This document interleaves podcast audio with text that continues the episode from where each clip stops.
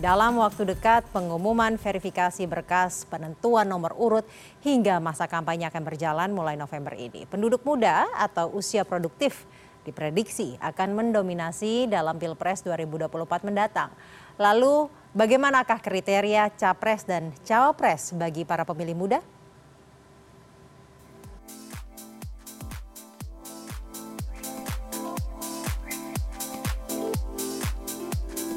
Kalau aku pengennya sih yang tegas ya, udah pasti gitu kan. Terus udah gitu yang benar-benar uh, baiklah untuk negara ini gitu. Kalau keinginan saya sih yang bisa memperhatikan yang di bawah ya. Ya salah satunya kayak saya kan sebagai karyawan di pabrik yang lebih memperhatikan lah sama ter, tergantung sama ini undang-undang omnibus law. Pastinya yang bisa mengayomi rakyat karena Indonesia kan uh, penduduknya sudah lebih dari 200 juta. Memang nggak mudah me, me, apa, membawahi atau memimpin Indonesia ini, tapi diharapkan cap, wap, presiden atau wapresnya yang bisa uh, berpihak kepada rakyat. Bagi kaum milenial adalah pastinya yang bisa menentukan masa depan Indonesia yang lebih baik. Karena di sini banyak sebenarnya banyak sih program-program yang telah dijalankan oleh pemerintah, tapi tentunya kita membutuhkan kepastian dan ketegasan dari pemerintah untuk bisa uh, membawa Indonesia yang lebih baik.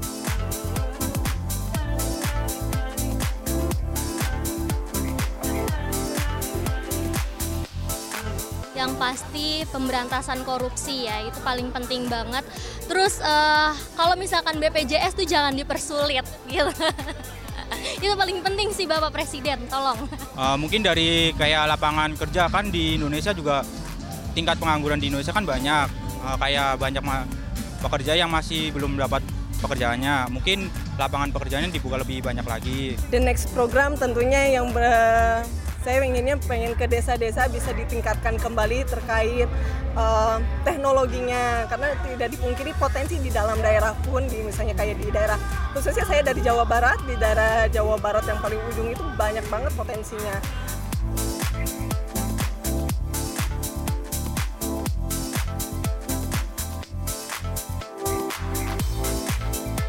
aja nggak boleh golput ya benar-benar nggak boleh. Karena suara dari kalian semua menentukan siapa calon presiden kita nanti ke depannya.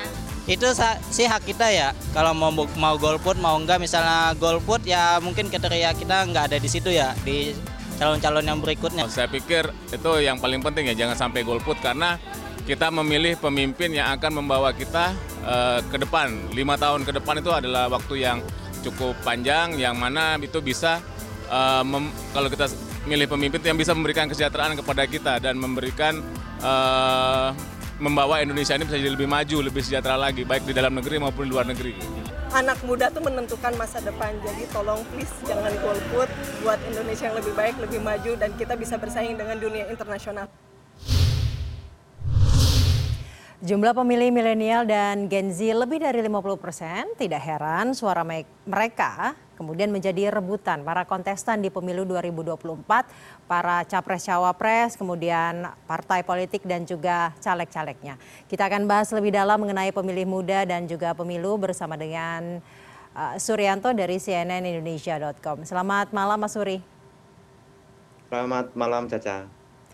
Mas Suri, suara generasi muda udah pastilah jadi rebutan karena dalam DPT yang ada di KPU ini juga jumlahnya milenial dan Gen Z lebih dari 50 persen. Nah, gaya komunikasi para capres, uh, wapres, partai, calegnya sekarang begitu mengikuti pasar kalau kita mengikuti dari sosial media.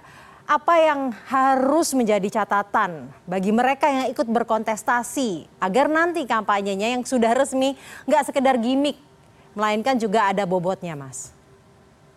Ya, uh, menarik ya uh, akhir-akhir ini ketika kita ngomong soal politik, kita ngomongin uh, apa anak-anak muda, para pemilih muda gitu loh kan. Apalagi sekarang memang uh, momennya sangat pas uh, pasca putusan MK yang sekarang masih jadi polemik terkait uh, batas usia cawapres itu. Ditambah lagi sekarang memang uh, isunya bahwa uh, isu besarnya bahwa para pemilih muda di di pemilu 2024 eh, nanti itu memang uh, mendominasi dalam catatan KPU itu kan memang ada sekitar 52 persen atau sekitar 106 juta pemilih muda di 2024 itu ini makanya Caca bisa dipahami ketika para baik capres, cawapres ataupun calon anggota legislatif nanti menggunakan gaya-gaya uh, komunikasi atau gaya-gaya uh, kampanye dalam tanda kutip karena sekarang memang belum musimnya musim kampanye terkesan memang ingin menyasar para pemilih muda ini gitu loh. Memang agak agak kadang sedikit agak agak menggelikan buat mereka yang yang tidak terbiasa dengan gaya komunikasi ini tapi harus diakui mungkin ini memang menjadi salah satu cara yang efektif ke depan untuk bisa uh, uh, meraih para pemilih muda ini. Namun sebaiknya Caca sebatas pola-pola komunikasi ini memang tidak harus dibarengi dengan dengan program-program yang nyata. Jadi memang tidak perlu mengedepankan gimmick dan lain-lain, tapi memang harus lebih mengedepankan program apa sih yang dimiliki oleh oleh para calon pemimpin ini untuk anak-anak muda ke depannya gitu loh. Uh, program realnya seperti apa, bagaimana nanti uh, bagaimana nanti implementasinya, aplikasinya ketika mereka terpilih sehingga anak-anak muda ini juga bisa mengkritisi, bisa memberikan saran seluas-luasnya kepada calon pemimpin ini gitu loh. Jadi memang sebaiknya tidak mulai mulai merubah cara pola ber, pola berpikir para calon para calon pemimpin ini bahwa tidak hanya menjadikan anak-anak muda ini sebagai uh, apa ya sebagai uh, calon pemilih atau sebagai uh, uh, pemberi suara, tapi juga harus melibatkan secara penuh uh, anak-anak muda ini uh, diserap aspirasinya. Uh, kalau kita lihat tadi cuplikan video itu Caca hmm. uh, sangat menarik kan masukan-masukan uh, dari mereka dan hal yang sangat menarik itu anak-anak uh, muda juga uh, menyarankan untuk tidak golput. Uh, golput ini kan menjadi salah satu uh, apa PR bersama untuk diperangi.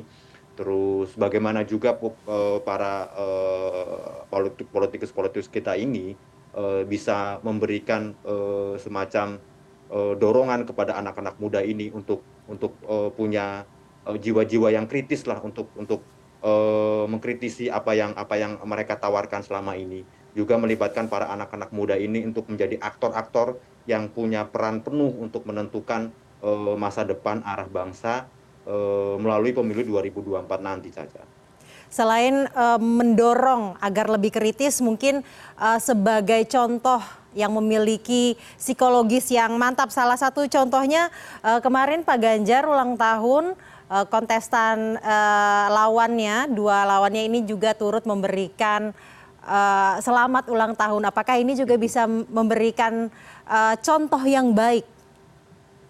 Itu apa? Uh sang, harus sangat diapresiasi uh, apa uh, hubungan antar kontestan di pemilu ini. Yang kita yang kita tahu juga bahwa uh, Pak Ganjar dengan Pak Anies itu sudah uh, sudah sama-sama dari awal mereka menyebut uh, mereka adalah sahabat lama gitu loh, sama-sama lulusan UGM. Uh, Anies dengan Pak Prabowo juga itu uh, merupakan teman lama gitu loh.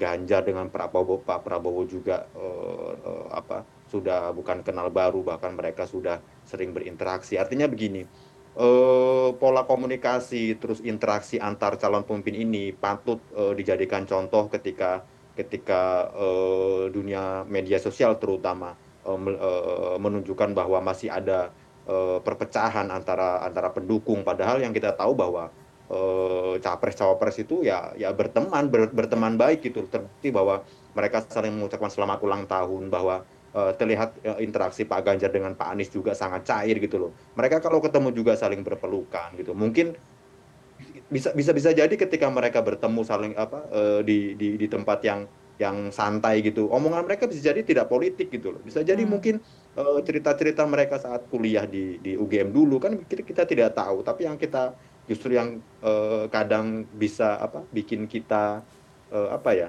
mengelus dada gitu loh. Bagaimana para pendukungnya ini di media sosial justru malah saling uh, bertengkar justru padahal uh, orang-orang yang didukung mereka itu justru saling berpelukan dan berangkulan hal ini yang yang yang harus diapresiasi dan dan menjadi contoh bahwa uh, pesta demokrasi itu benar-benar sebuah pesta bukan bukan sebuah ajang persaingan, apalagi ajang perpecahan, apalagi ajang permusuhan. Uh, ini yang yang uh, pola-pola komunikasi ini yang memang harus di, di, digalakan terus Caca sehingga benar-benar uh, uh, persaingan itu terjadi secara sehat uh, baik di uh, level elit maupun di level uh, akar rumput gitu Caca. Ini kemudian memberikan contoh bahwa berbeda kebijakan saling mengkritisi ini harus tapi tidak dibawa ke level personal ya. Karena kan ditakutkan Betul. akan terjadi apa yang terjadi pada uh, Pilgub DKI Jakarta 2017, Mas. Betul, Caca. Uh, uh, para pemilih harus harus harusnya menyadari bahwa uh, ada pernyataan yang yang yang menarik akhir-akhir ini bahwa uh, politik tuh hanya lima tahun sekali, tapi persaudaraan selamanya. Artinya begini, uh, berbeda pilihan bukan berarti kita uh, apa putus hubungan persaudaraan atau putus hubungan persahabatan gitu loh. Berbeda pilihan kan uh, bukan berarti uh, kita nanti berbeda tujuan. Politik ini kan tujuannya uh, satu, baik baik uh, capres cawapres A, B dan C itu pasti kan tujuannya satu yaitu kesejahteraan masyarakat dan memajukan bangsa ini gitu kan terlepas dari apa pun caranya gitu loh. Ketika ada yang tidak serak dengan caranya silakan kritisi dengan dengan cara yang elok bukan dengan cara perpecahan gitu loh. Uh, anak-anak muda mestinya sudah harus bisa menyadari ini. Yang lalu sudah biar berlalu ketika uh, pemilu-pemilu yang lalu atau pilkada sebelumnya itu menimbulkan perpecahan dan sekarang mungkin masih terasa efeknya. Tapi bagaimana ke depan pemilu itu bukan sudah saatnya pemilu itu harus di di apa dirasakan sebagai sebagai uh, nuan apa ya harus dirasakan sebagai uh, sesuatu yang teduh bukan hmm. sebagai uh, sesuatu yang aroma-aroma persaingan gitu loh. Karena ya uh, esensi pemilu itu kan bukan bukan persaingan tapi pemilihan gitu loh. Pemilihan untuk memimpin uh, untuk mencari uh, calon terbaik bangsa. Untuk apa kita uh, saling gontok-gontokan padahal elit di atas itu juga uh, saling bersahabat. Walaupun nanti uh, salah satu calon uh, menang kan nanti kan uh, yang yang yang sudah kita rasakan di 2019 bagaimana panasnya uh, pemilu 2019 ketika uh, sudah terpilih Pak Jokowi sudah terpilih uh, dia dengan logowo menggandeng Pak Prabowo untuk menjadi salah satu anggota kabinetnya.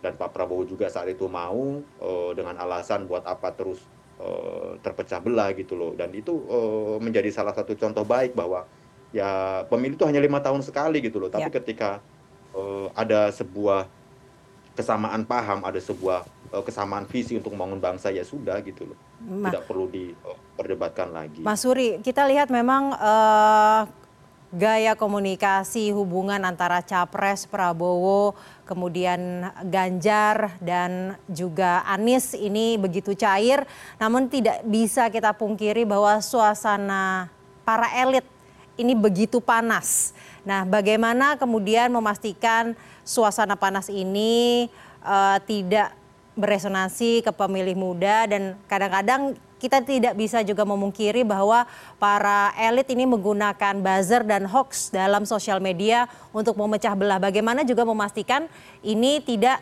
uh, merasuki para pemilih muda? Uh, saya pikir uh, apa, Caca? Uh, para pemilih muda kita ini sudah sudah cerdas ya. Kita lihat dari gambaran video yang tadi awal diputar bagaimana uh, mereka menyampaikan harapan-harapan uh, kepada para calon pemimpin, terus bagaimana mereka meminta kepada para pemilih untuk jangan golput dan uh, datang ke TPS untuk memilih gitu loh. Saya saya yakin sudah banyak pemilih-pemilih pemuda kita yang sudah kritis, sudah bisa memilah-milah uh, bagaimana narasi di media sosial itu uh, sebuah diciptakan uh, oleh para uh, apa oleh para bot atau oleh para uh, buzzer-buzzer itu gitu loh. Memang yang yang menjadi menjadi sebuah PR bersama bagaimana keterbukaan pola pikir, sikap-sikap uh, uh, kritis dari para pemuda ini harus semakin di, di, di, dibuat masif sehingga melalui pendidikan-pendidikan politik Eh, menjadi PR bersama juga terutama eh, aktor-aktor politik di di partai politik bagaimana uh, menciptakan pemilu ini menjadi lebih damai gitu loh. Tidak tidak uh, membuat panas uh, yang bisa malah uh, merembet ke akar rumput.